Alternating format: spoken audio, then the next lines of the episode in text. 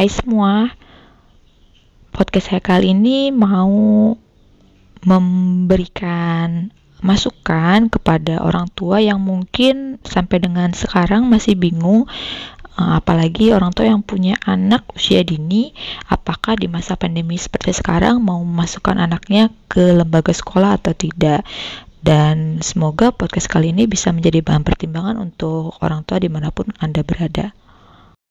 Pandemi berdampak ke berbagai bidang ya, termasuk juga pendidikan.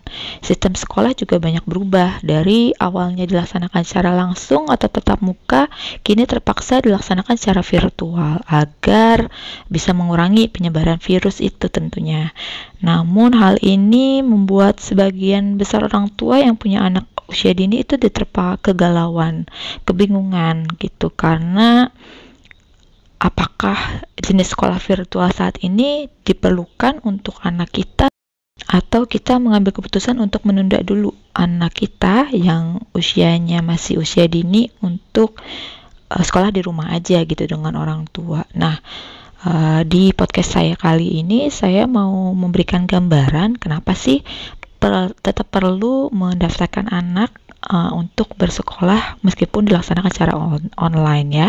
Jadi yang pertama, sekolah online itu tetap diperlukan. Kenapa? Untuk memaintain rutinitas anak kita. Kenapa perlu di-maintain? Karena anak kita perlu punya kebiasaan dengan jadwal hariannya, mulai dari mandi, makan, sekolah, main, dan seterusnya. Jadi, meskipun bisa dilaksanakan dengan mandiri dengan orang tua, biasanya ada banyak kendala ya yang dirasakan oleh orang tua, apalagi tentang konsistensinya. Mengingat saat ini banyak orang tua yang bekerja. Nah, kendala seperti ini bisa jadi salah satu pertimbangan juga gitu apakah efektif dilaksanakan sendiri di rumah atau kita bisa meminta bantuan lembaga sekolah untuk mendampingi anak-anak kita berkegiatan. Jadi kalau misalnya kita ada pendampingan dari sekolah, itu biasanya lebih mudah untuk anak kita terkondisikan. Dia bisa melaksanakan rutinitas hariannya, termasuk rutinitas sekolah.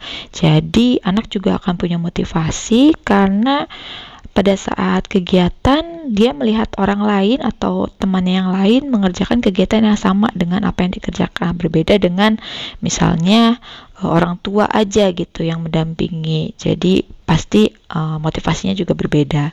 Nah karena pandemi ini belum diketahui sampai kapan akan berakhir jadi sekolah virtual ini kalau anak usia dini didaftarkan ke lembaga uh, sekolah usia dini itu akan sangat membantu orang tua karena anak akan mengalami proses transisi nanti ya ketika dia kembali ke sekolah. Sekarang uh, COVID kan udah hampir setahun. Jadi bayangkan aja ketika anak kita di usia dini itu belum terbiasa berinteraksi dengan orang lain, terbiasa di rumah, terbiasa tidak bertemu dengan orang banyak, nanti pada saat transisi harus betulan masuk sekolah tatap muka itu akan men mengalami kesulitan dan itu juga perlu diperhatikan. Kemudian terkadang yang menjadi kendala orang tua ketika tidak menyekolahkan anaknya ke lembaga itu adalah kesulitan untuk menyiapkan ide dan pada saat melaksanakan kegiatan itu ada masanya orang tua mentok ya.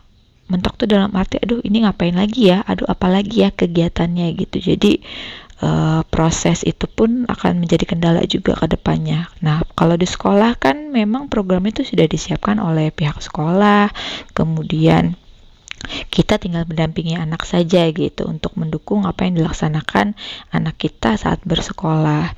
Jadi uh, dari bahan pembelajaran, uh, lalu dari uh, berbagai program yang dilaksanakan secara kontinu itu itu akan sangat membantu orang tua gitu. Jadi orang tua hanya perlu mendampingi aja ketika anaknya bersekolah. Dan tentu saja kurikulumnya itu sesuai dengan yang dibutuhkan anak. Kemudian selain itu dari segi perkembangan sosial emosional itu seperti yang tadi di awal saya jelaskan sedikit ya bahwa sekolah virtual ini tentunya sangat mempengaruhi. Nggak cuma mempengaruhi saat anak perlu transisi ketika pandemi selesai ya untuk dia masuk ke sekolah uh, umum gitu untuk tatap muka tapi pada saat sekolah virtual anak juga akan belajar berinteraksi. Dia akan belajar berkomunikasi dengan orang lain lalu anak juga akan belajar untuk bersabar khususnya pada saat menunggu giliran berbicara gitu.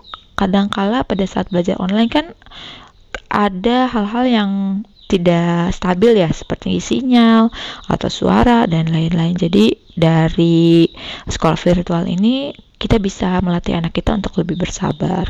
Nah, uh, ketika orang tua memutuskan anak bersekolah virtual, anak usia dini sekolah virtual, mereka kan sekolahnya di rumah. Jadi kebebasan mereka itu masih besar gitu didapatkan. Mereka masih bebas bebas bergerak bebas berekspresi bebas menjelajah dengan berbagai aktivitas seru yang dilaksanakan bersama teman-temannya secara virtual. Jadi ini menjadi salah satu cara juga sih biar anak kita tidak kesulitan juga melaksanakan sosialisasi, interaksi, komunikasi dan lain-lain walaupun secara virtual tapi pasti berbeda rasanya ya, beda pengalamannya dengan anak kita gitu dan perasaan yang didapatkan juga pasti beda sekali. Selain itu juga ketika sekolah virtual, emosi anak juga akan terlatih gitu. Anak akan belajar mengontrol emosinya sendiri dan dia akan juga mulai memahami emosi orang lain.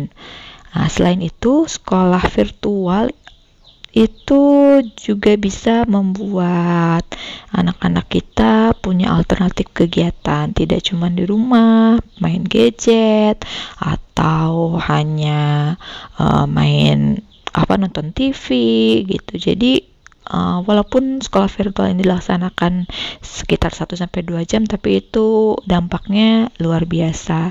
Jadi uh, masukan saya uh, orang tua bisa kembali mempertimbangkan apakah perlu daftar atau tidak. Kalau perlu daftar, tadi saya sudah paparkan alasan-alasan uh, kenapa perlu daftar. Jadi untuk bahan pertimbangan orang tua. Oke, semoga bermanfaat. Terima kasih.